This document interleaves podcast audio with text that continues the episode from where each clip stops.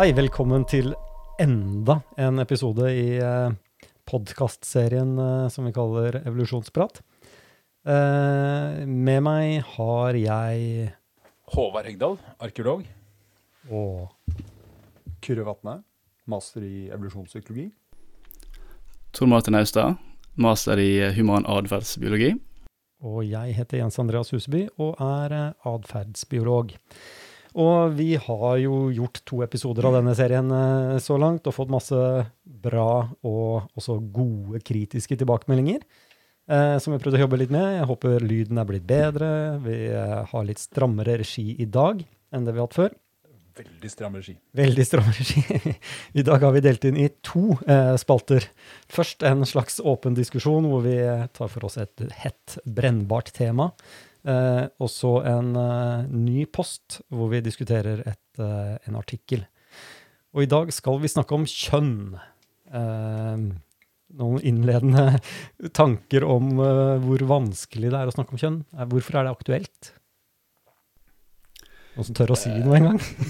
Det begynner med en gang å bli klissete når vi ikke klarer å skille Eller når vi ikke skiller forskjell mellom biologisk kjønn og kjønnsidentitet. Ja. Så der er det viktig å starte eh, Eller skille de to, da. Og alle her har vel skrevet og sagt ting som både er eh, kontroversielle og, og går rett inn i, i, inn i debattene. Ja, det er vel ikke noe problem å fylle en hel podkastserie bare med det temaet sånn. så, men vi skal jo ikke gjøre det. Nei, Skal ikke det.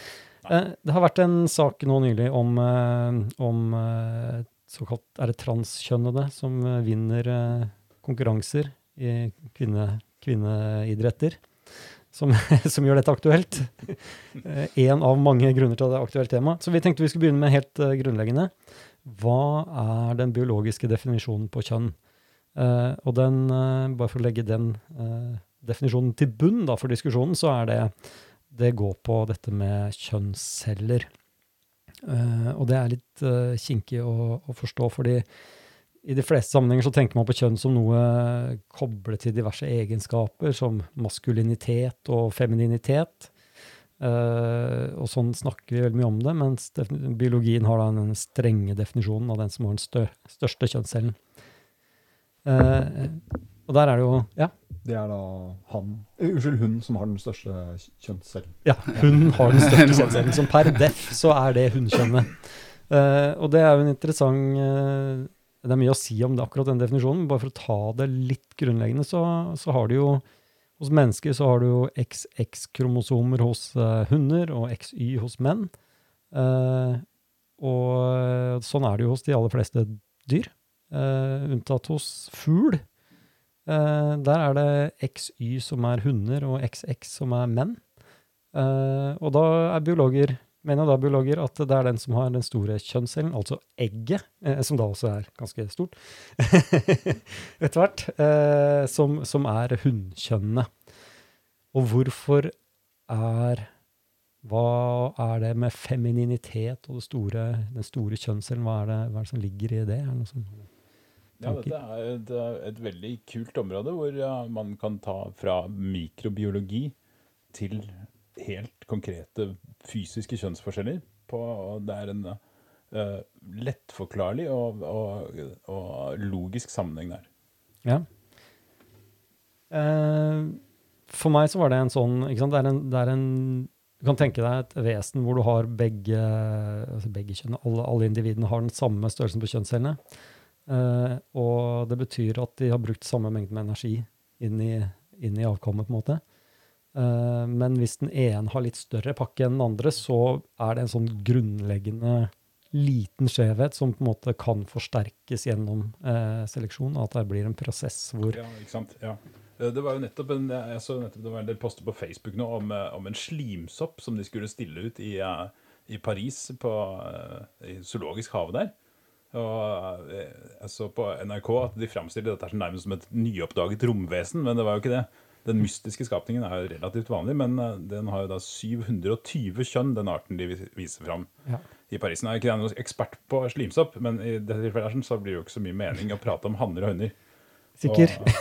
Og, og og, poenget med, med, med kjønn i utgangspunktet er jo at man kan ta DNA fra to ulike individer som har forskjellige tilpasninger, og lager en tilfeldig rekombinasjon av dette DNA-et. Det betyr at avkommet i et variabelt miljø så har avkommet da større sjanse Hvis man får mange avkom, så har du større sjanse for at noen av disse tilfeldigvis har den tilpasningen, har den kombinasjonen av ulike gener som gjør at de kan overleve. Ja.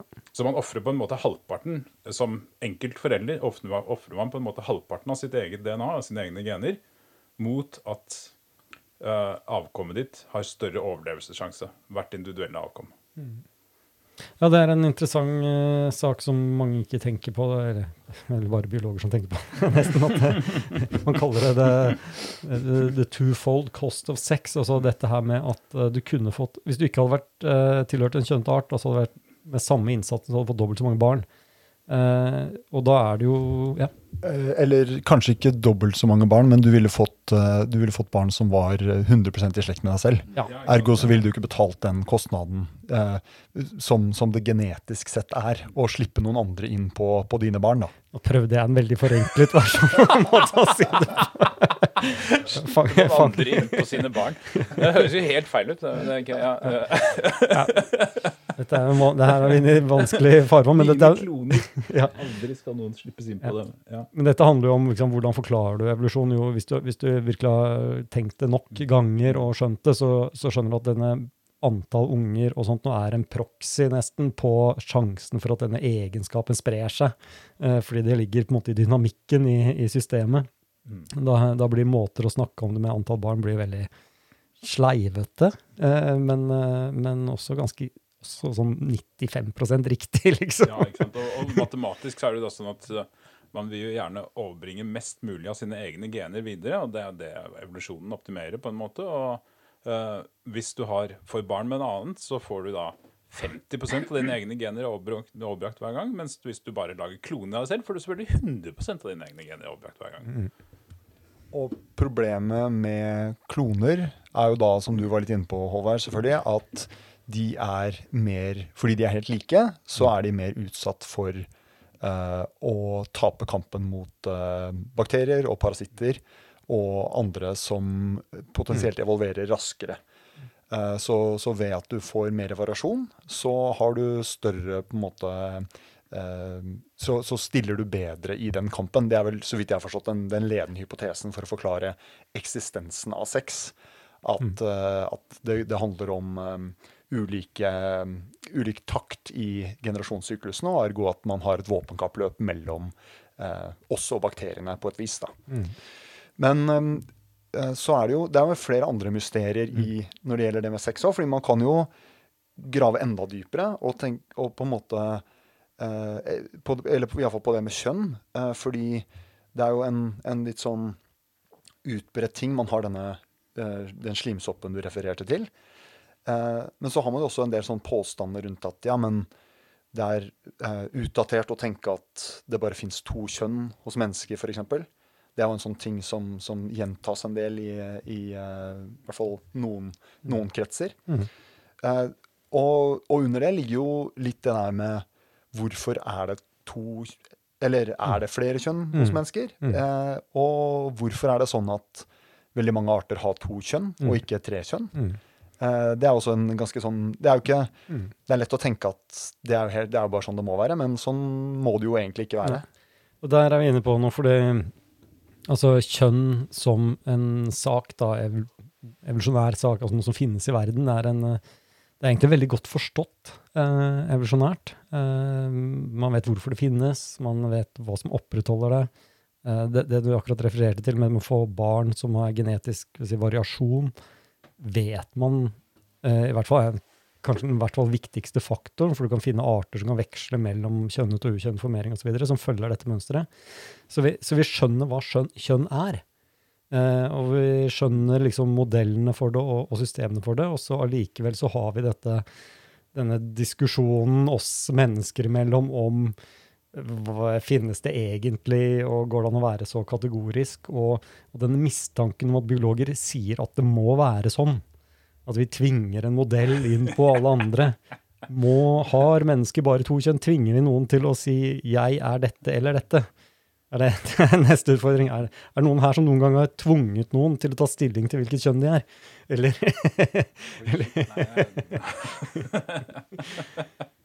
Håvard, for å sette deg på pinnen. Noen som Jeg kan ikke si jeg har vært så offensiv altså, på det området der. Nei. Men jeg syns jo det, det Tor Martin sa i, i, i stad var bra, fordi man, man har jo liksom den, man har den biologiske siden som, som handler om biologisk kjønn. Og så syns i hvert fall jeg at det er veldig greit at vi sier at kjønnsidentitet er noe annet. Ja. Og, og det, det korrelerer med biologisk kjønn, men det er ingen som det er, ikke noe, det er ikke egentlig noe særlig nødvendig at vi har noe én-til-én-sammenheng der.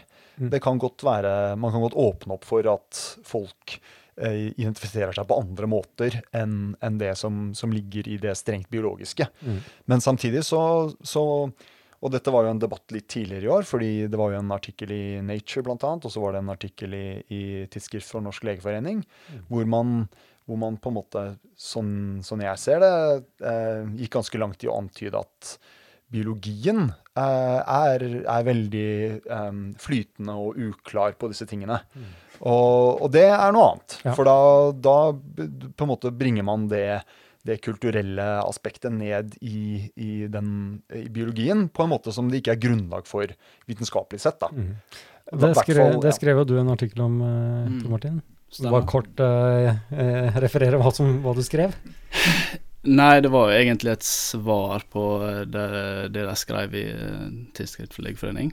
Um, som var egentlig greit å kunne blandes inn i, som kan være litt så betent, men det her gikk han da løs på eh, Eller argumentet var liksom at det her var biologisk eh, et spekter av kjønn, eh, rent biologisk sett. Og hvis man skal definere det som du tidligere gjorde, med at kjønn er Bestemmer vi ut ifra kjønnscellene, så er det så er ikke et spekter. Og hvis vi skal gå videre med å definere kjønn ut ifra kromosom eller kjønnsorgan, Mm. så vil det være litt mer variasjon, ja, men eh, det, det er da i form av at det er en kjønnsdysfori, at det skjer en, en feil utvikling av et, et kjønnsorganet. Som mange andre organ kan det skje feil, og det blir, det blir ikke et nytt kjønn som oppstår, men det, det er et avvik, da.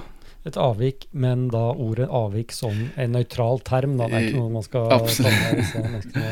Absolutt. Og da var jeg klar på å å ski- å skille her. Jeg snakker ikke om kjønnsidentitet. Men som Kyrre sa, så korrelerer de veldig. Og her kan vi gå tilbake til hvorfor de korrelerer. Um, og da skal vi vel inn på kjøn, eh, for, eh, foreldreinvestering. Ja. Og som du tidligere sa, så er jo det med helt i starten, når du får to kjønnsceller som begynner å skille seg litt fra hverandre. Den ene investerer veldig masse, som eggcellen gjør, mens den andre er litt mer mobil. Og kan du, du kan produsere masse mer av det. Ja, ikke sant? For det er jo en veldig viktig ting, det der sånn med at uh, det ene kjønnet, altså det vi kaller for hund, hunnkjønnet, er, uh, investerer mye mer energi ved å bygge opp en stor celle, mens det andre kjønnet investerer lite energi ved å uh, bare lage veldig, veldig, veldig små celler. Dette er, liksom, det er utgangspunktet, men evolusjonen forsterker jo den prosessen også, ikke sant? Ja, stemmer.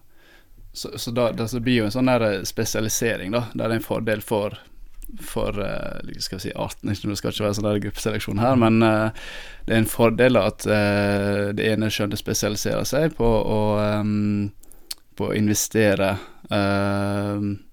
mer i, i, i hvert avkom, og, og da blir begrensa til få avkom, mens den andre eh, kjønnet er um, spesialiserer seg på å få Mm. eh, flere Det er ubegrensa, men det, du, du blir, ja, så blir det en konkurranse der. Og det, blir jo, og det er en gradsforskjell, ikke sant? Fordi når vi snakker om disse tingene, så er det jo sånn at uh, uh, kjønnsdimorfismen, altså forskjellen på kjønnene mellom, i mennesker, er egentlig ganske liten hvis du sammenligner med mange andre primater. Uh, jeg hadde et bilde hvor vi, vi så på hvis kjønnsdimorfismen hadde vært den samme hos mennesker som hos gorillaer. Altså at forskjellen kroppslig hadde vært den samme hos mennesker som det er hos gorillaer, så hadde kvinner vært like høye som de er i dag, og så hadde menn vært over tre meter høye. Det bare sier noe om vi, er egentlig ganske like, og vi har også en ganske lik foreldreinvestering, så, så det er en gradsforskjell. Men så er det sånn at fordi vi er mennesker og oppfatter ting og lever i en menneskeverden, så ser vi disse forskjellene som ganske vesentlige. Da. Men det er likevel sant, det er en, eh, si, Begge kjønn er opptatt av kvalitet og kvantitet i barn, men uh, hunnkjønnet er mer inclined mot uh, nei, kvalitetsbiten, mens eh, menn er relativt i forhold til hun, kvinnegruppen eh, interessert i, i, i kvantitet. Da.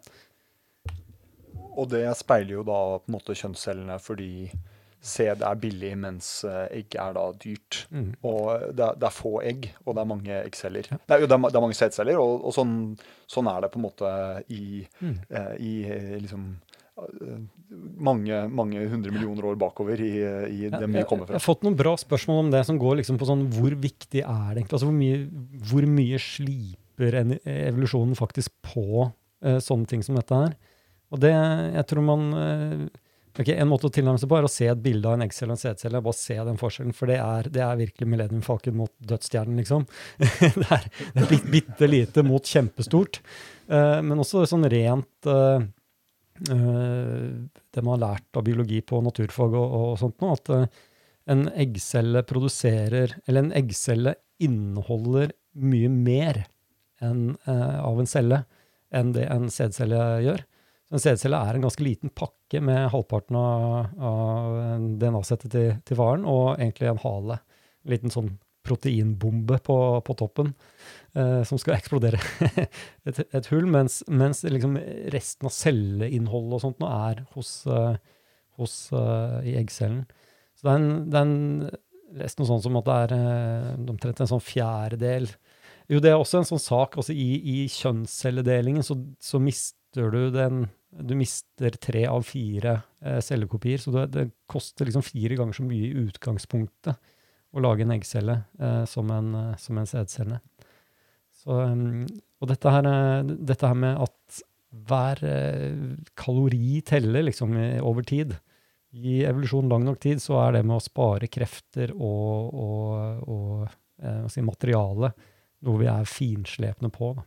Ja, ikke sant? Men det er også det at, at, over, og at over tid så, vil, eh, så har det da skjedd en, en eh, gradvis evolusjon hvor, eh, eh, hvor det har vært mer og mer eh, Hvor, eh, hvor eh, hannkjønnet har blitt drevet i, eh, i retning av billig investering på veldig mange avkom, mens hunnkjønnet har blitt drevet i retning av dyr investering. Og, og, og jo mer du putter i hvert avkom, jo viktigere er det at de overlever.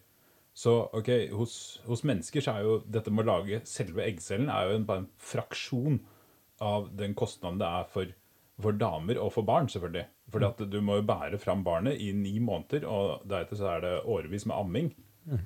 Uh, så, og dette er jo kostnader som er mye, mye mye større enn enn selve produksjonen av eggcellen. ikke sant? Men, det er, men alt sammen henger jo sammen. Det er jo, det er jo den grunnleggende tilfeldige sannsynligvis forskjellen mellom kjønnene som har blitt gjort at Forsterket. er, ja, ikke sant? Som har satt i gang en evolusjonær prosess som driver større og større differanser. Ja.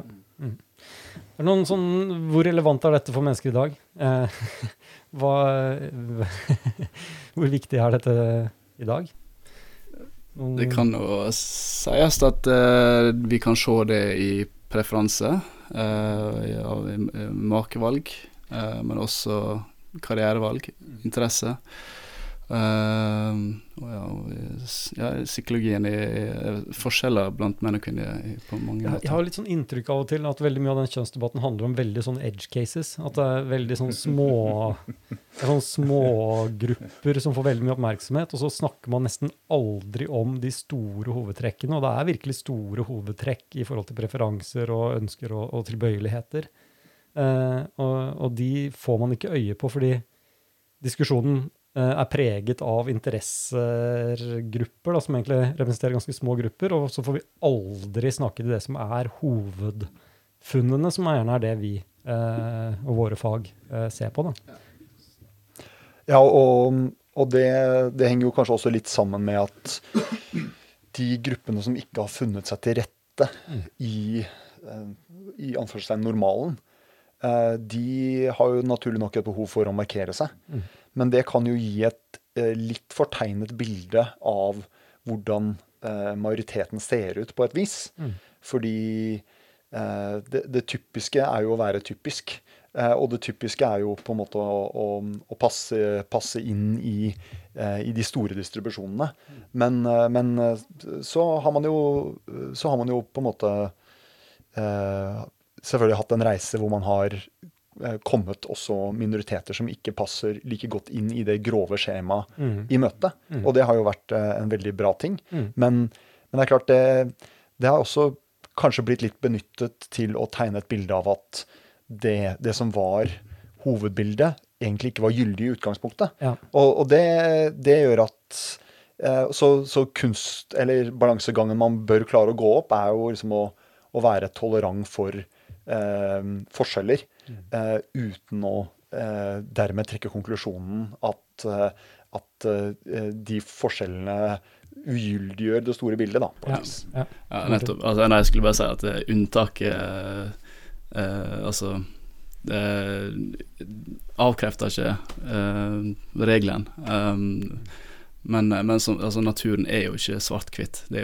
det, vil alltid være variasjon og finurligheter, og det er jo det som driver evolusjonen fram. Så eh, ja, det, det, det, blir feil å tro at det så naturen er så binær. Du vil alltid se mm. rare ja. Det minner meg om en sånn, det en litt sånn generell misforståelse i praten om evolusjon. At, at vi har dette med rettigheter og, og, på en måte verdi er knytta til uh, ta likestilling mellom kjønnene. da hvor man også på en måte anerkjenner ja, det er i hovedsak to store kjønn,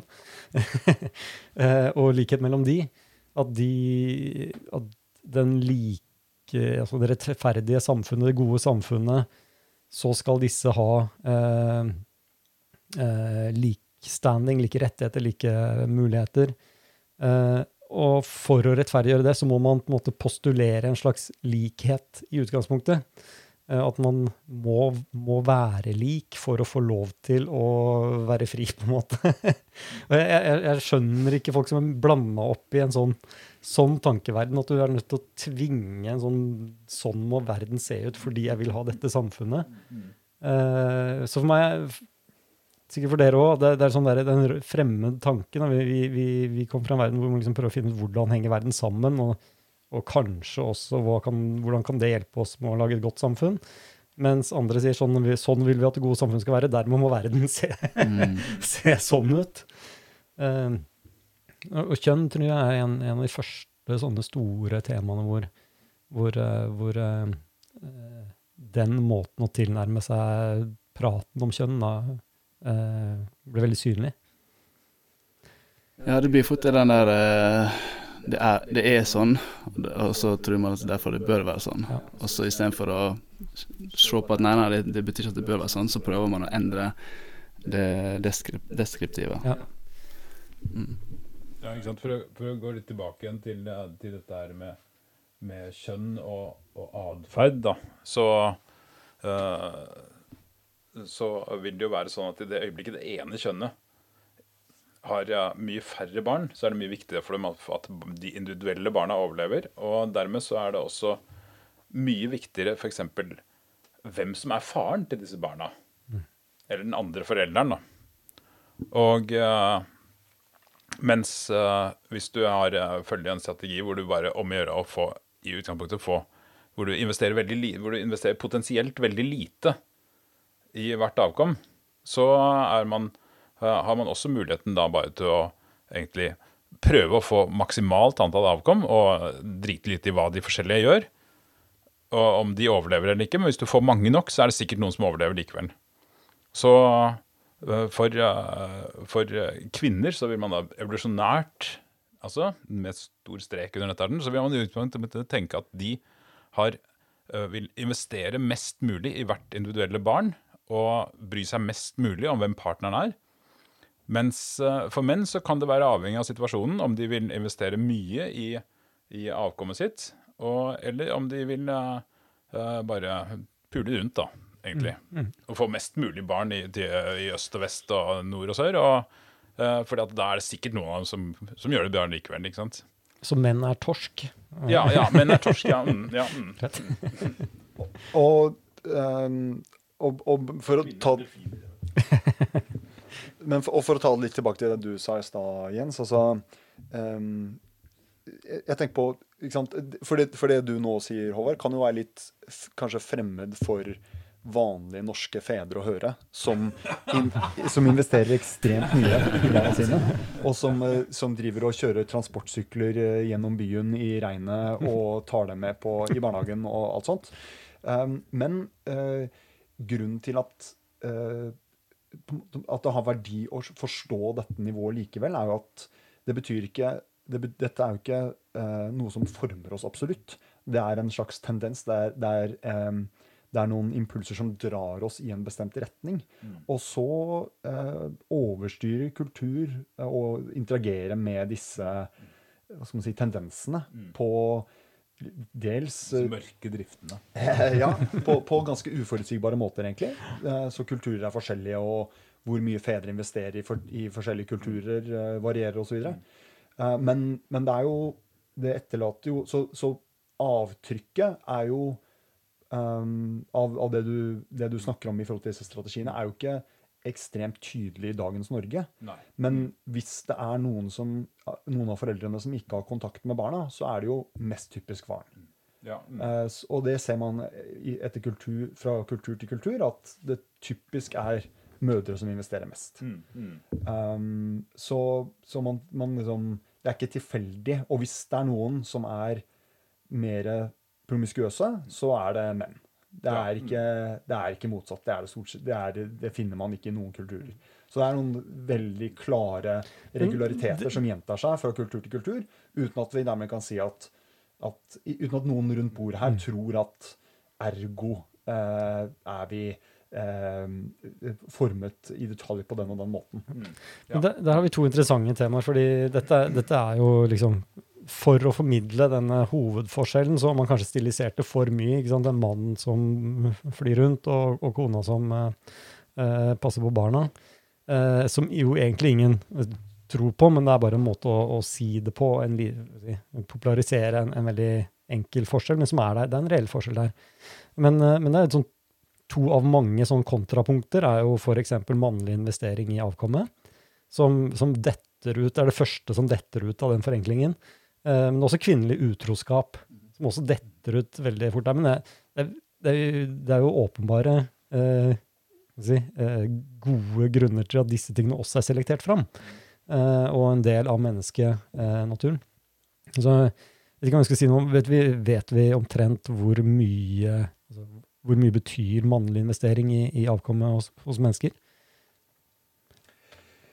Um, jeg vet iallfall at uh, i Jegers sankersamfunn så har, uh, så har barn som ikke har fedre, har betydelig dårligere overlevelse. Mm. Så det betyr uh, Det er en veldig klar, målbar ja. effekt. Så en, en, mann i det samfunnet som bare får barn og, og forsvinner, han, barna hans vil sjeldnere overleve og selv bli voksne. Så dermed så er det en bra strategi å bli værende. Det er et seleksjonspress for å, å faktisk også bry seg om uh, de barna man får. Uh, og det andre eksempelet, kvinner som er utro. Hvilke, hvilke mekanismer belønner det? jo, jo, dette er, Nå begynner vi å nærme oss tema for, for ukas artikkel, egentlig. Ja, men, eh, men nei, det vil jo da typisk være sånn at, at kvinner kan foretrekke Altså at hunder, får jeg si, for dette er jo noe du ser hos andre dyrearter også. Ikke det, hos, hos fugler, f.eks., så uh, hvor, hvor, hundene kan uh, vil ha én hann som kan være en god forsørger, altså være med å bringe mat til rede og, og hente mark og, sånne ting. Mens uh, det kan godt være en litt sånn kjekkas hann. Nå snakker vi om fluesnappere, ikke hvis noen er kjent med det. Men uh, som kan uh, Uh, som kan uh, brenne litt rundt på nabolagets frøkner. Og uh, som da opplagt er, er, i stand til å få mange avkom, men som, så, men, som, ikke investerer noe særlig individuelt avkom. Men hunden kan da godt tenke seg å ha et par barn med denne attraktive hannen, da, rundbrenneren.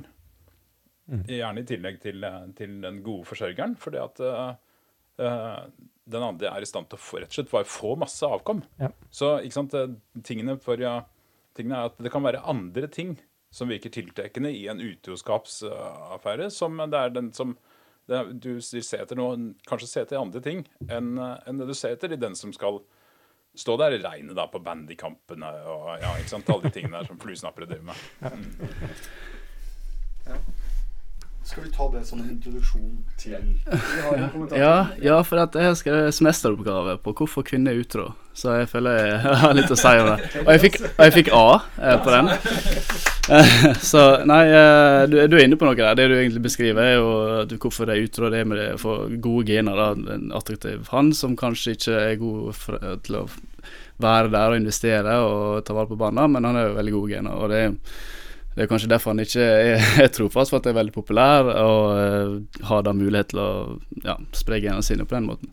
Uh, og så er det andre, en annen hypotese. De ikke, det er ikke gjensidig ekskluderende. Det kan være mange gode grunner til hvorfor kvinner er utro. Uh, man kan jo lure på hvorfor Altså, du får jo Har menn sex med fem damer, eller 50, så de, kan de få 50 barn.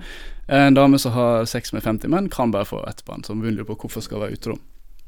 Um, og der kom den ressurshypotesen er jo en annen hypotese som du var inne på så vidt. Der hvis eh, faren dør, så er jo det faktisk ganske store dødelighetsgrad. Jeg syns jeg hørte det var sånn 70-80 i uh, jegersankesamfunn, om det var en plass i eh, Amazonas. Um, Er det for fedreløse barn? jeg tror de som døde, er, var i en sånn lokal krig, Ja. og gruppe mot gruppe. Ja, for det tallet sånn barnedødelighet generelt i førmoderne samfunn, eller primitive samfunn, er regna på rundt 50 før 15-16-årsalderen. Det er i hvert fall det tallet jeg har. Ja, det har jeg også hørt. Jeg tror kanskje det er veldig høyt tall. Men, nei. men um, så der er det da en fordel uh, for kvinner. Det kan være en fordel å, å lage en slags eh, farskapsusikkerhet og ha sex med mange menn uh, rundt eggløsning. Hva er fordelen med det? Fordelen uh, Det er mange fordeler, sikkert.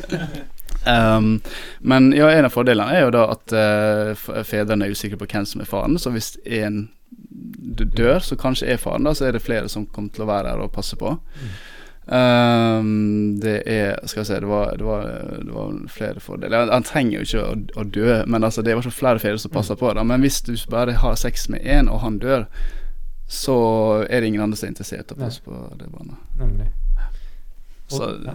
Det er en, en veldig mye, mye å snakke om her. Ja da, det er flere hypoteser også, men eh, jeg skal ikke, nei, jeg skal ikke grave mer i Men det. det som jo er veldig kult, det er jo da at eh, ok, uh, man kan jo da trekke en direkte rød tråd fra, fra et stadium hvor vi egentlig var encellede organismer, og uh, evolusjonært fram til dypt personlige tragedier i dag, da, egentlig. Selv om det vil selvfølgelig individuelle årsaker og sånne ting i dag. Så, nei, ok, men litt spøk til side, så, så er det altså da et eksempel på at eh, man kan ta helt evolusjonære grunnprinsipper på cellenivå og se hvordan disse hvordan ringvirkningene av disse her sånn går uh, utbygd, uh, blir uttrykt i form av atferd. Mm. Ja, og helt opp til problem... Ja, nå, nå snakker vi altså det er igjen altså, to streker under dette, er sånn, men vi snakker altså da igjen om evolusjonære betingelser for atferd. Altså et, et, uh, måten evolusjonen har lagt til rette for en bestemt atferd. Det er jo ikke sånn at man er viljeløst styrt til å være utro, eller at alle damer vil ha seg med den første og beste Ja, kjekkasten. hvis disse tingene her. Det er jo selvfølgelig ikke sånn. tråkker opp den uh, tråden der, fordi det vi snakker om, er eh, eh, evolusjonære prosesser som dyrker fram et sett med følelser eller eh, inklinasjoner eller måter å reagere på som er, si, eh, blir belønnet av eh, naturlig seleksjon. Men disse følelsene Ja, er vi da mm. utstyrt med i dag. Sånn at vi, når eh, en farskapssak blir veldig, veldig si, kinkig, vanskelig å, å skape konflikter, eller hvis gentest av barn og sånne ting, som er eh, ordentlig trøblete moderne menneskeproblemer, så er det fordi det treffer liksom midt på disse følelsene eh, våre, som er tilpassa disse simple, enkle, revolusjonære grunnprinsippene. Og da, da tror jeg vi skal over på Ja. neste bolk. Eh, vi eh, leser en del eh, artikler. Vi leser gamle artikler, leser nye artikler, leser gamle artikler om igjen. Eh, og og eh, biter oss av og til merke i noe som er verdt å diskutere litt ordentlig. Og i dag har Kyrre eh, funnet fram en liten godbit eh, til oss. Take Det- it away. Det har jeg. Og jeg, jeg tror det ligger noen, eh, noen små brannfakler begravd her, så vi får se hvordan det går utover i, i sendingen. Um, den artikkelen som jeg har eh, forberedt, er en som er publisert i eh, 2004 av um, en som heter Carl Grammer og medforfattere. Og um, den har tittelen Disco Clothing, Female Sexual Motivation and Relationship Status. Is she dressed to impress? um, og eh, det var en studie som jeg husker godt fra da jeg studerte, eh, som fikk mye oppmerksomhet da den kom. Når var det? 2004. 2004. Ja. Um, og uh, den går jo rett inn på det vi snakker om her. Um, og um, en, en viktig sånn kontekst for det er jo dette med uh, seksuelle strategier de forskjellige kjønnene spiller. Og, og litt som du var inne på der, eh, Tor Martin, at eh, sant, hvor, um, man har fokusert mye på menn, og man har fokusert mye på, på menns hva skal man si, behov for å, å spre genene sine, og forskjell på menns og, og kvinners strategier i så måte. Men eh, noe som seilte opp som et tema på den tiden, var ja, men har også kvinner en interesse av potensielt å, em, å bruke litt forskjellige seksuelle strategier, avhengig av kontekst? da. Så, um, så Og da, da kom dette med utroskap opp. At uh, kanskje, kanskje kvinner har grunner til å være uh, utro. Um, og det Ja, altså evolusjonære grunner, da. ikke sant? Ja. Evolusjonære grunner, ja. Ja. og uh, en dette, dette skapte Det var mye forskning som ble gjort på dette. Man, man knyttet mye av det til eh, altså menstruasjonssyklusen. Fordi som kjent så er jo ikke kvinner fertile gjennom hele måneden. Man er stort sett fertil rundt, i perioden rundt da man har eggløsning. Og fertil betyr da fruktbar, at du kan få barn. Ja. Um, og noen uh, forskere oppdaget da at, uh, at kvinner um, i den mest fertile delen av syklusen, altså omtrent rundt eggløsning, så oppdaget man at kvinner da er mer tiltrukket av en annen type menn enn dem de normalt er tiltrukket av. Og da typisk mer maskuline menn. Da Da fant man en sånn tydelig eh, effekt da, Mm. som det ble publisert mye på. Man fant, eh, man fant liksom preferanser for og mer maskuline ansikter, eh, mer maskulin atferd, eh, mer liksom eh, dominante menn, da. Um, og man fant også en del andre effekter knyttet til dette med eggløsning. Da. Og, og den studien som, som jeg da har grepet fatt i her, den, eh, det de gjorde der, var at de, eh, de gikk på diskotek. En del forskjellige diskoteker i, i, eh, i Wien, tror jeg det var. Dette er så bra forskning. Ja, kjør på. Og så, eh, og så lurte de da eh, forsøkspersonene til Og de fortalte dem at de, de, skulle, de spurte om de hadde lyst til å være med på en studie av mote. Ja. Om de ville la seg avfotografere. Um, og det de i realiteten var interessert i, var da hvor eh, utfordrende eh, disse for kvinnelige forsøkspersoner, hvor utfordrende de var kledd. da. Ja. Så Altså- de, bare for å spørre, så de, de ba random kvinner om å eh, si, vise De ba dem komme inn på et rom da, med de klærne de hadde på seg den dagen. Stemmer. Ja. Eh, så, så dette var da på mellom, mellom ni og tre eh, på natten på, på disse diskotekene. Så ba de da eh, kvinner som var der, om å la seg avfotografere. Ja. Eh, og så intervjuet de dem Mhm. eh, om motivasjonen for å være der den kvelden. Mm. Og så tok de også en spyttprøve. Ja. Eh, så en hel liten pakke med Så man kan jo se for seg den scenen der inne på et diskotek. Det er eh, liksom ganske krevende, krevende feltstudier. Um, og de fikk da også etterpå greie på at de, de hadde blitt eh, lurt rundt dette med at det ikke Det handlet faktisk ikke om mote, dette her. Eh, men det de da gjorde, var at de, de tok disse bildene. De, det var totalt eh, 351 kvinner. Ja. Um, og så tok Ganske stort utvalg. Ja. Et stort diskotek. Eh, gan- ganske, ganske stort utvalg, jeg skal komme litt tilbake til det. Eh, men de, de tok da disse, disse kvinnene, og, og så kodet de da både hva slags klær de hadde på seg, og hvor korte skjørt de hadde, hvor mye hud de viste, hvor, hvor, hvor trange klær de hadde, Mm. videre. Um, og, og så eh, så de dette her da i sammenheng med østrogennivået som de målte Ja. i, eh, i spyttet deres. da. Um, og og den, den, den, det, på en måte, det store funnet uh, i, i denne artikkelen, uh, det er da at uh, de kvinnene som eh, hadde, som ikke brukte p-piller, fordi p-piller, det, det gjør gjør alt. Eh, ja, det ødelegger alt, som, som du sier. Det, det, det forpurrer den vanlige menstruasjonssyklusen, selvfølgelig.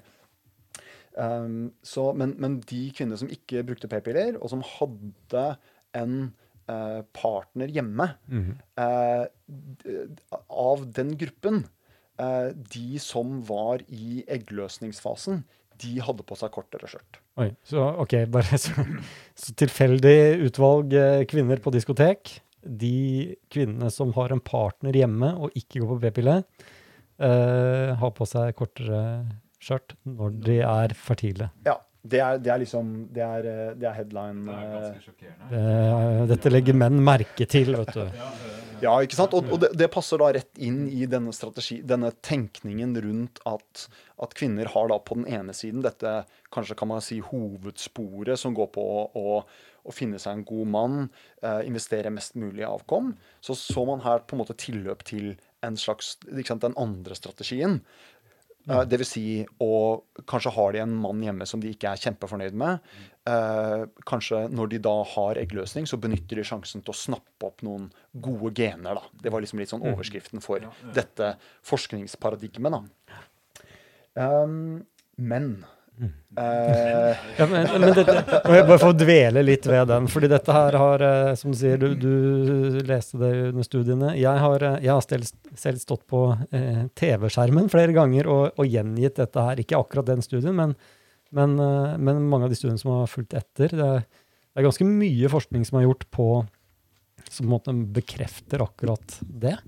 Eh, som eh, sier at eh, menn, nei, kvinner som er i, i eggløsning, er egentlig ute etter denne korttidsmannen, one night standen, for å ta med seg gode gener hjem og, og kanskje lure han. Eh, hun trenger ikke mislike han som er hjemme heller. Hun kan være fornøyd med at han er en god far og sikker på at han er godtroende nok til å ville oppdra hennes uh, uekte unger.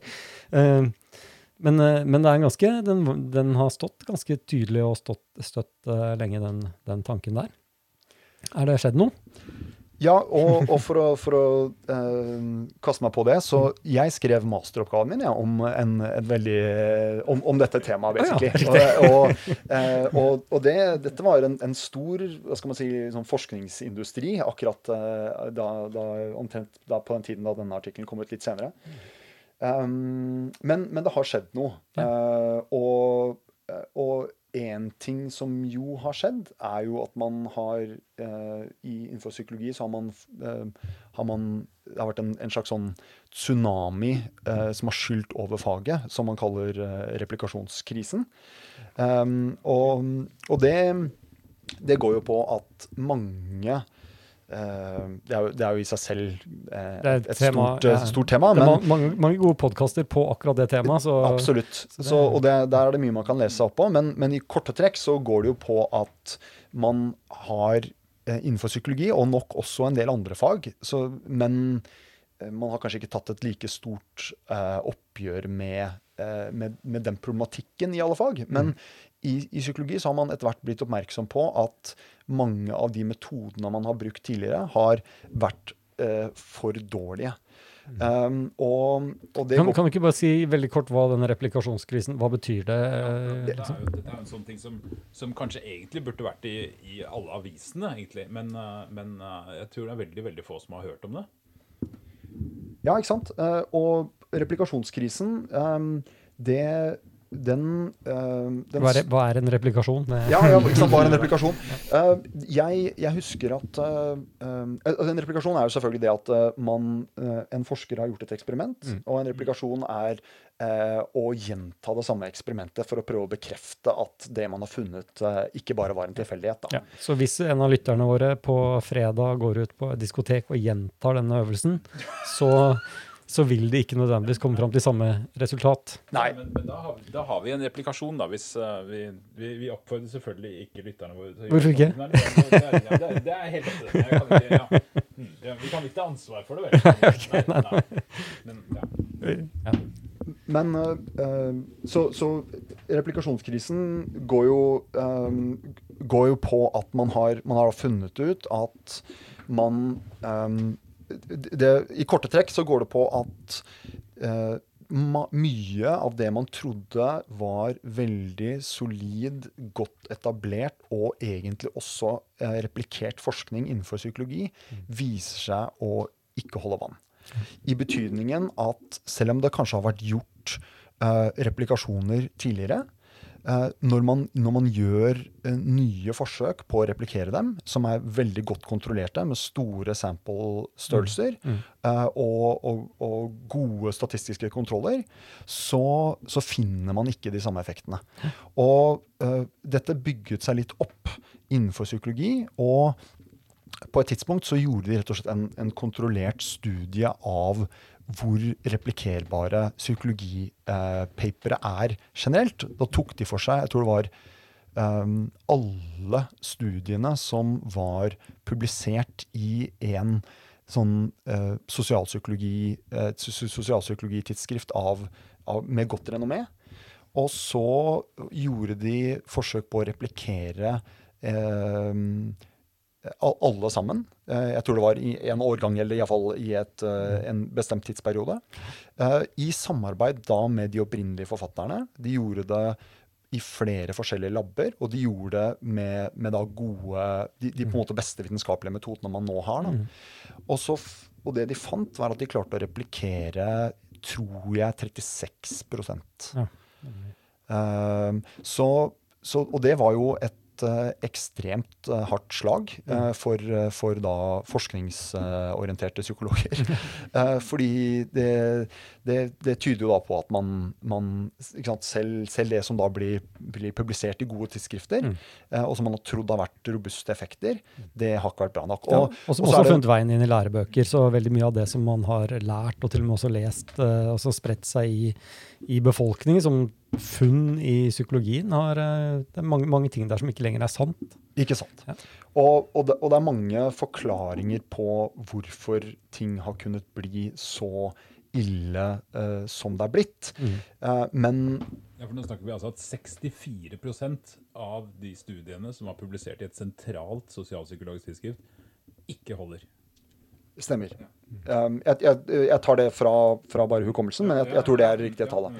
Um, så uh, Ikke sant. Og, og, og så er jo ikke sant, hvorfor, hvordan har det, hvordan har gått så dårlig? Og, og det, det handler jo da om sånne helt grunnleggende ting som um, at man har små, små utvalgsstørrelser. La, lav N, som man sier. Um, og så handler det om at man, man, har- man, man har det som kalles eh, um, eh, altså forskningsmessige frihetsgrader. Det vil si at eh, man, man, har, man har kanskje Man samler inn noe data, og så hadde man kanskje en hypotese i utgangspunktet, men så begynner man å analysere dataene, Ja. og så ser man at hei sann, den hypotesen vi egentlig hadde, der fant jeg ikke noe signifikant effekt.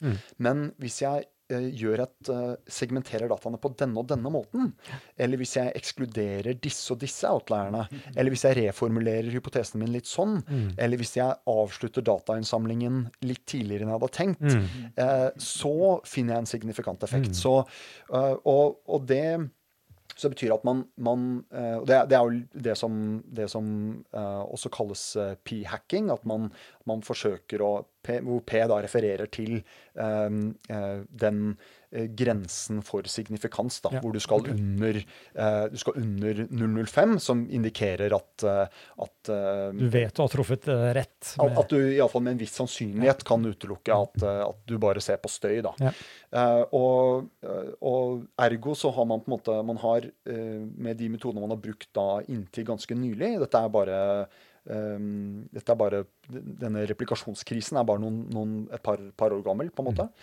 Um, så, så har man funnet ut at, at, ja, at egentlig var vitenskapen for dårlig satt opp da, til å undersøke, undersøke det man forsøkte å undersøke. Og, um, og sånn sett så er, så er den studien som jeg har plukket ut av i dag, en, en ganske sånn fin illustrasjon. Eh, fordi uh, det her, Og jeg, jeg er ikke noen statistiker, men bare ved en, en sånn enkel inspeksjon av den uh, studien, så, så er det lett å se at her går den kule varmt hva gjelder hva gjelder um, hva gjelder på en måte den muligheten man har til å faktisk undersøke hypotesen. Da. Fordi de starter jo med noe som er et, en sånn rimelig OK utvalgsstørrelse, med, med 351 eh, forsøkspersoner. Eh, og det, det er nok eh, noe som i hvert fall innenfor eh, psykologisk forskning på denne tiden regnes som ganske robust. Ja. Um, eh, ofte så var jo mange studier med, ble gjort med mindre enn 100 forsøkspersoner. ikke sant? Eh, men, men et problem her er jo at de er jo ikke interessert i alle disse kvinnene, for de ekskluderer jo eh, f.eks. alle som eh, Eller, eller de, de segmenterer dette utvalget veldig, da. Ja. Eh, og så ser de på, eh, og så ser de på eh, underpopulasjoner og gjør korrelasjoner på dem. Og så gjør de veldig mange korrelasjoner. Så, så bare i, i paperet så er jo over 100 korrelasjoner rapportert. Um, og det er klart at eh, hvis du gjør 100 korrelasjon, altså tester for korrelasjoner, da, så, så er det jo lett at det oppstår noen effekter bare av eh, på, på, på, på slump. Da, Ja, ikke sant? ja. Og, eh, og, og så sier de riktignok de sier riktignok at eh, i hvert fall eh, på, på noe av det så har de gjort en sånn korreksjon for det at de har gjort mange tester. Men det har de tilsynelatende ut fra hva de selv har skrevet, ikke gjort konsekvent. da. Så det er kanskje rettet på, eller forsøkt korrigert for noen steder, men andre steder ikke. Så, um, så de, de har da uh, på, på liksom den sto, den, det som er liksom det funnet som, som da de, de er blitt kjent for her, så har de egentlig en N på 48, da. Ja. Eh, Så det er jo, det er jo betraktelig, betraktelig Færre. færre. forsøkspersoner. Og egentlig så begynner man jo Da er det ganske åpenbart at det vil være en veldig, veldig dårlig studie, da, med, med 48 forsøkspersoner. Um, Så når eh, de har funnet noe her, og man senere ikke klarer å gjenskape det, så har de på en måte valgt ut et lite subsett av de kvinnene som var ute på, på diskoteket, og et subsett av de igjen som, som de igjen endte opp med å studere.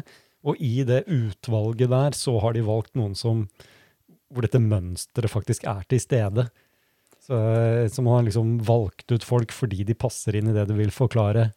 Er det sånn omtrent? Ja, ikke sant? Ja. De, de, har, de, har som tatt et, de, har tatt, de har mange forskjellige grupper. Ja. Og så er de mest interessert i noen av gruppene, men de har gjort mange tester Mm. med hver av gruppene. Og så har de rapportert de testene hvor de har treff Ja, på, måte, på signifikans. Mm.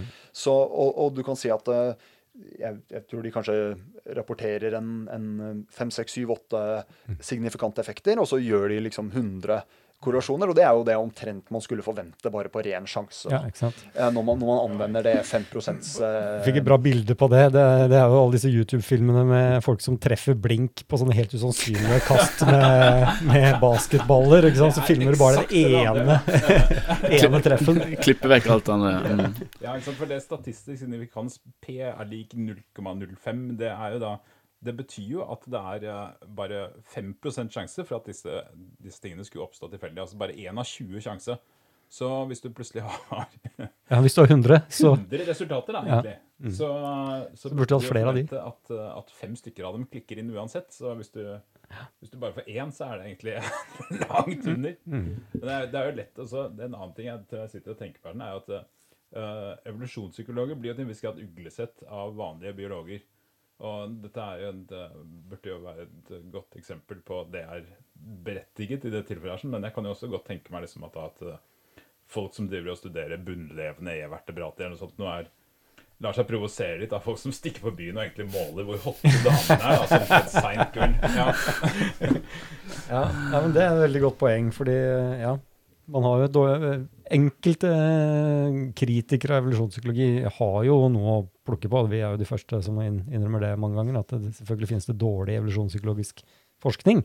Sånn som det finnes dårlig annen forskning. Eh, og, og hele prosessen er jo rigget for å finne ut For å ta bort det. ikke sant? Her har man jo oppdaget at ting ikke henger sammen sånn som man trodde. og Det, det er jo en del av vitenskapen, det òg. At man faktisk kommer dit at shit, dette stemte jo ikke. Og så eh, til og med ta med de som var med på studien først, og, og prøve å gjøre det en gang til. Um, så eh, ja. Så for, så for oss er det ikke noe krise, men det har likevel skjedd en sånn en spredning av informasjon. Jeg, jeg? Jeg, jeg føler meg jo litt teit som har stått på NRK eh, når ikke min stemmer og sagt dette her med litt sånn myndighet. eh, Når kvinner er i eh, den delen av menstruasjonssyklusen, så, så vil de tiltrekkes av den mannen, liksom. Eh, men hvordan, hva er, eh, hva er, hvor er vi nå, liksom? Ja. Nei, um, vi, vi er jo og, og, og, ikke sant? eh, Akkurat som det finnes, uh, finnes dårlig forskning innenfor alle felt, så, så finnes det jo absolutt dårlig evolusjonspsykologisk forskning. Og, Um, og, men, men det finnes jo også uh, bedre uh, forskning. Og, og nå er det jo da noen som har ikke sant? Så Hvis vi går tilbake til dette med replikasjonskrisen, og hvordan er det vi løser disse problemene som, som uh, replikasjonskrisen har avdekket, da, Mm. så handler jo det om å egentlig bare forbedre, um, forbedre forskningsmetodene. Og, og for å?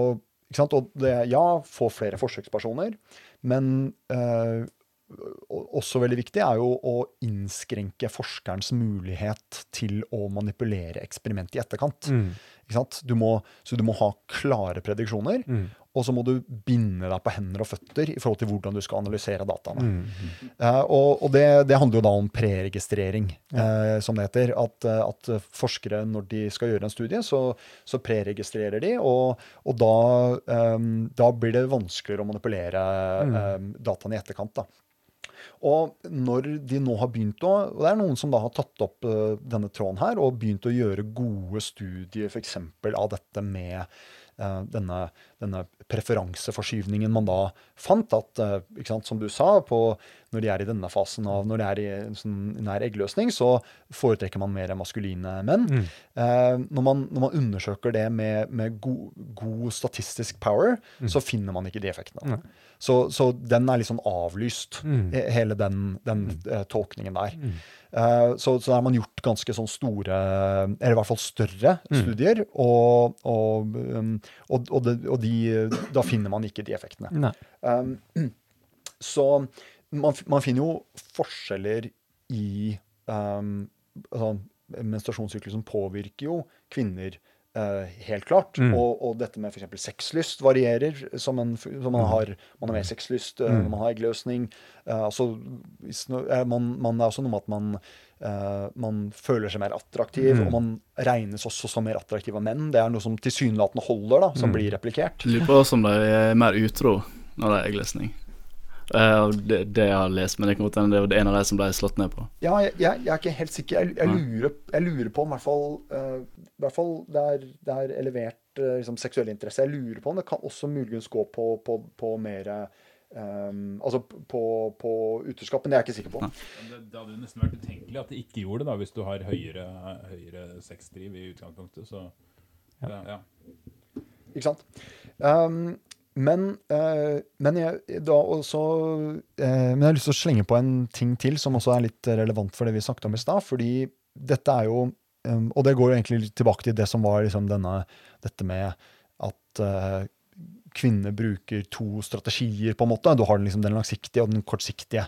Og, og, at, eh, og at, kvinner er liksom ute og, um, og, prøver å skaffe, snappe opp de beste, mm. beste genene. Da. Og, um, jeg husker at for, for en ti års tid siden så, så var det et, noe som var et litt sånn åpent forskningsmessig spørsmål, var hvor stor den um, på en måte, uh, skal man si, farskapsproblematikken egentlig var. da. Mm. Altså hvor, hvor, ofte skjedde det at uh, Hvor ofte skjer det at kvinner uh, hevder at den de er sammen med, er far, mens i realiteten så er det en annen som er far. Ja. Og, og det, for, det har vært litt vanskelig å, å klare opp i, fordi at de databasene man har hatt, eller de måtene man har hatt å undersøke det eh, på, har, har hatt ganske store skjevheter. For eksempel har du hatt sånne Hvis du går på sånne de som sender barnet sitt til sånn paternity testing, mm. farskapstesting. Eh, det er jo ikke akkurat en nøytral eh, Det er ikke helt en nøytral, et nøytralt utvalg. Eh, mens, mens, hvis du tar utgangspunkt i de som eh, driver med slektsforskning, det er, det er, heller ikke et nøytralt utvalg. fordi da kan man se for seg at de fedrene som føler seg litt usikre på om de faktisk er far, at de ikke vil delta i den typen forskning. ikke sant? Så, så, men der er det kommet, er det kommet studier som, som, ser på um, som ser på Y-kromosomer, og som, som, sammenholder det med arv av eh, etternavn. Ja. Og som dermed med ganske stor eh, ganske stor sannsynlighet kan estimere reelle ja. eh, sånn, sånn, extra paternity altså I, rates. I kulturer hvor uh, man tar fars etternavn. Ja, ikke sant. Selvfølgelig. Ja. Og, og, da, og, da, viser det seg at den raten er omtrent 1 ja. Um, det var, jeg, har nesten, jeg har hørt uh, ekstremt mye høyere tall enn det, men det, det, var lavt. Det var oppløftende. Ja, for, for, for, jeg husker også at For oss som er i forhold, var det veldig oppløftende tall. ja. For disse, disse estimatene tidligere, de, da var, da, det, var et, det, var et, stort spenn der i hva man trodde kunne være mulig. Hvor mm. liksom 1% var det absolutt laveste man trodde kunne være mm. sannsynlig. Mm. Og så, Jeg har jo hørt til med tall som var så høyt som 30% Det var vel det som var eh, utgangspunktet, tror jeg. Ikke sant? Bare, det, bare for å recappe litt. Dette handler jo om antall barn som er født, hvor mor egentlig bare lyver om hvem som er faren. Som hører inn i den her eh, teorien om at hun av og til vil ha et utenomekteskapelig forhold. Da. Hun begynte vel med en britisk studie, tror jeg, eller sånt, med, var det? Med, hvor man endte opp med 30% og så kom det en svensk en, tror jeg, som endte nede i 10-15 eh, Men nå det en enda bedre en, som er nede i 1% ja, og, og det, er, det, er, flere studier som viser det samme. da. Ja. Og, og, fordi de på en måte er um, metoden der er bedre, da. Mm. For det, den, den, har ikke de, de samme åpenbare skjevhetene som Nei. en del andre sånne utvalg har. da. Mm. Uh, så, men, og det setter, jo, det setter, jo, på en måte litt også denne forskningen i en viss um, under, Litt under press, da, fordi mm. plutselig blir det, Dette betyr jo ikke at, uh, dette betyr jo ikke at, uh, at ikke um, fedre er opptatt av å være far til sine barn, og at, ja. at uh, seksuell sjalusi åpenbart er er en, en, en, ting som må ses i den sammenheng. Mm. Men, men, det betyr antagelig at, eh, at det å eh, Det at kvinner sniker seg unna for å, for å snappe opp noen bedre gener, det, det er, det er relativt sjeldent, da, ja. mm. heller enn en så vanlig. Ja, men også den 1% det var da altså resultatet. Ja. Og ja. de har hatt mer sex enn Så det er mer enn 1% av uh, hyppighet kunne utro. Ja. Det, det, det, er flere gode poenger der i, i, at dette er resultatet. Det ene er liksom sex og barn er ikke nødvendigvis sendt igjen. Uh, en annen ting er også at det er jo etter uh, at du tar høyde for uh, si det forsvaret menn har mot at dette skal skje. Så, så, det er også en sånn diskusjon vi har hatt mange, mange av oss i ulike sammenhenger med ja, men effekten er ikke så stor. Ja, men det er jo akkurat fordi vi har Det er mange menn med sjalusi som prøver å som stoppe kvinner eh, fra å være utro. Så, eh, så, det betyr jo ikke at altså det, er, det, er, nok til at seleksjonskraften for å favorisere at menn er sjalu og prøver å forsvare seg mot eh, å, å, bli utsatt for å bli lurt, Eh, men eh, ikke så høyt at det er et sånn present kjempeproblem, da, høres det ut som. som, som, som ja. Og det, det, er jo samme grunn til at eh, vi ser Vi ser ikke så mange menn spre genene sine med hvem som helst. Det er jo igjen for at de er veldig begrensa, for at, uh, da må kvinner også tillate det. Så hadde menn kun fått uh, frie tøyler, så hadde vi sett masse større tall på promiskuitet. Det, sånn er det i, i, kulturer og land hvor menn ikke har disse Eller situasjoner, type krigssituasjoner. Han derre IS-lederen som ble tatt nå, hadde ikke han haugvis av koner og barn rundt seg? som et eksempel, men det er, det er, jo sånn man kjenner det fra historien. Det er jo ja, ja. Det å hope seg opp med, med haremer og sånt noe. Men også, men også, en av altså, Når jeg argumenterte uh, for Uh, det, hvorfor det er litt rart at kvinner er utro, det med evolusjonære fordeler, da, det med at de får bare ett barn. Og så er det det En annen ting er at det er veldig stor høy risk mm. for at den uh, mannen du har skaffa deg, ikke vil ta vare på barnet. Han drar fra deg, og enda verre at uh, du er faktisk uh, trua på, på, livet hvis han finner ut. Ja. Og det er kanskje også en grunn til at det er så lav prosent. og så kan det være religiøse grunner. Mange, mange grunner. Samfunnet vil jo selvsagt der skyr jo utroskap generelt, så det har en påvirkning. Ja, det, kan, det kan egentlig nesten se ut som det er utroskap som ble temaet den gangen. her, Det er ikke impotens og utroskap. Hva er det vi driver med? Ja. Kvinnelig utroskap, ja. Uh, Men altså sånn kontra 1 kontra 30% det er jo klart uh, uh, får si at virkeligheten vant 1-0 over sexfantasien i det tilfellet her. Ja, Uansett, det, selv om det betyr selvfølgelig en mye høyere rate av utroskap, for det er jo ikke så ofte man får barn. Nei, nemlig. En ting jeg lurer på fortsatt med denne gamle studien, eller dette her med, med disse to mennene da, som kvinner vil ha, ha, barn med, er jo i hvilken grad er dette to forskjellige menn fortsatt, da? Selv om det kanskje ikke varierer hvem hun er tiltrukket av i, uh, i, uh, i, hvor hun er i, avhengig av hvor hun er i menstruasjonssyklusen. Men, men disse to typene, altså pro, forsørgeren, den gode pappaen, og den her machomannen hun bare skal én gang eh, ha barn med, er det fortsatt Er det sånn at når hun eh, er fertil, så er hun like tiltrukket av de to? Og er det to liksom, typer at liksom, jeg trenger jeg liker den typen mann og den, og den typen mann samtidig? Og så dukker det opp Eller du, du, er i et forhold, greit, du få dekket den type mann. Nå trenger, nå trenger du den andre type mann, og vice versa. Eh, er, det gjort noe på det? Er det noe som vet noe om det, den siden av det? Denne kvinnelige seksuelle strategien om å egentlig prøve å tilegne seg disse to mennene. Er, den kan jeg ikke si, den, den, den er jo ikke helt avhengig av uh, å være bundet til uh, fertilitet nødvendigvis. da. Nei, nei, ikke sant. Jeg jeg har inntrykk av at, at det, det, det, på en måte skjemaet du beskriver der, det, uh, det er jo på en måte tilforlatelig og plausibelt at, at uh, det er i hvert fall på en måte litt sånn Det er i hvert fall gjenkjennelig for menn at, at uh, liksom, kvinner passer inn i litt type, ulike typer profiler hva ja, gjelder ja. Noen som, noen, noen som, inviterer mer til kortsiktige relasjoner, mens andre er mer langsiktige. ikke sant? Mm. Men, um, men jeg, i hvert fall det, det, du beskriver der, settes jo ofte litt i sammenheng med sånn gode gener, og at, og at de, de, mer sånn tøffe, maskuline mennene har bedre gener. Mm. Eh, det er en sånn, litt sånn kategori av forklaringer som jeg tror heller ikke står så høyt i kurs ja. lenger innenfor revolusjonspsykologi. Ja. At de, de, har ikke replikert så godt de studiene der. Ja. Det var en lettelse, da. Ja. så det, er, det, er, så deilig å alltid vinne.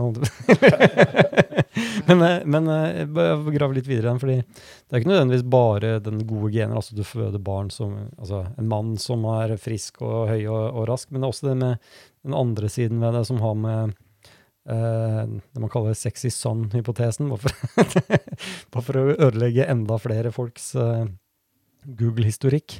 Uh, dette med at hvis han er attraktiv for mange andre kvinner, så er det en slags bekreftelse på at det er verdt å få barn med han, fordi da vil dine egne barn også bli attraktive for mange kvinner. er den også er det vært noe Altså, når en eh, eksperiment failer, så må vi begynne å se på om det er det hypotesen det er noe gærent med. Er det noe bevegelse der som er blitt diskutert etter disse replikasjonskrisene som du kjenner til? Jeg, jeg, har ikke, nei, jeg, jeg kan ikke si jeg kjenner spesifikt til om man har gjort noe nytt på det etter, etter det. Den, den, står jo fortsatt I dyreverden så står jo den ganske sterkt, eh, den, den uh, hypotesen, og masse funn rundt det. Da. Så, um, så jeg, jeg, er litt sånn Det er spennende, og det er jo fortsatt ikke slutt. Ikke sant? Man må finne ut hva, hvordan henger dette sammen. Det er jo åpenbart sånn at kvinner kan synes menn er tiltrekkende bare rent fysisk. Uh, og samtidig også menn som uh, si det gode, gode forsørgeren også er uh, noe de tiltrekkes av som i et, par, i et lengre parforhold. Så, så, ja, det er veldig spennende å følge med på nå hva, hva skjer nå da, med, med den, den, forskningen. Ja, Det er jo nesten som man tenker at man burde tatt inn en kvinne i studio her og spurt. Noe, ja. ja. mener du det? det er veldig spennende. En av de kollegene jeg har på på denne TV-serien uh, 'Gift ved første blikk'. Hun er uh, sosialantropolog og, uh, og, sånn sett faglig langt fra meg, men vi, vi har jo denne felles oppgaven, og dermed funnet, funnet ut at vi må nå forholde oss til matching av, av, par, og, og funnet skikkelig funnet tonen. hun Lene Pedersen heter hun. Uh, hun holder nå på med en uh, gjennomgang av matching-algoritmer av type Tinder og, og sånt noe. Og se på hva kvinner ber om, og, og, hva de leter etter, og om disse matching-algoritmene treffer. Og det, vi nærmer oss jo mye mer bedre data nå. Kjempegod datasett med liksom 50% av befolkningen under den og den alderen. ikke sant? Så, så, så, man får jo mye mer tall nå, og mye mer håndgripelige si, eh, data. For hvem er det man Det er nesten som å rigge et eksperiment. Sette opp, eh, sette opp eh, alle unge menn mellom 20 og 25 inn i en app og ble studieobjektene om å swipe høyre og venstre og, og, trykke på en knapp hvis de virkelig vil møte dem. Uh, og de dataene blir liggende der. Da. Så uh, jeg, tror, jeg tror litt på at uh, med denne replikasjonskrisen, med, med en røffere gjennomgang, så, så, dukker jo opp disse mønstrene dukker jo opp igjen, og vil kanskje finne mer solide tall. Sant? Og, og det, jeg leste akkurat en studie der forskere laget bare falske Tinder-profiler mm. og teller talte da, ikke sant Alt er likt, men med én forskjell. da. Ja. Og så teller matcher. Og det blir jo veldig, et veldig sånn økologisk relevant, som det kalles, eh, måte å, å, forske på. Fordi det er jo faktisk Det er jo litt som å gå ut på gata og, og faktisk snakke med folk. Det er, mm. det er liksom, dette, er, dette, er, hva folk foretrekker, ikke ja. hva de oppgir på ja. en eller annen sånn, eh, spørreskjema hva de, hva de, liker best. Nemlig. nemlig. Jeg så for meg at sånn Tinder-swiping også kunne vært en sånn type undersøkelse som disse her bunnlevende E-vertebratforskerne ville rynket Mener du det? Da har vi holdt på veldig lenge. Tusen takk for at du har hørt på. Vi lager stadig nye episoder. Bare hør på oss igjen. Jeg heter Jens Andreas Huseby, og vi er eh, Hva kaller vi oss nå? Eh, Evolusjonspodkasten? Ja. Evolusjonsprat? Ja. Vi høres igjen.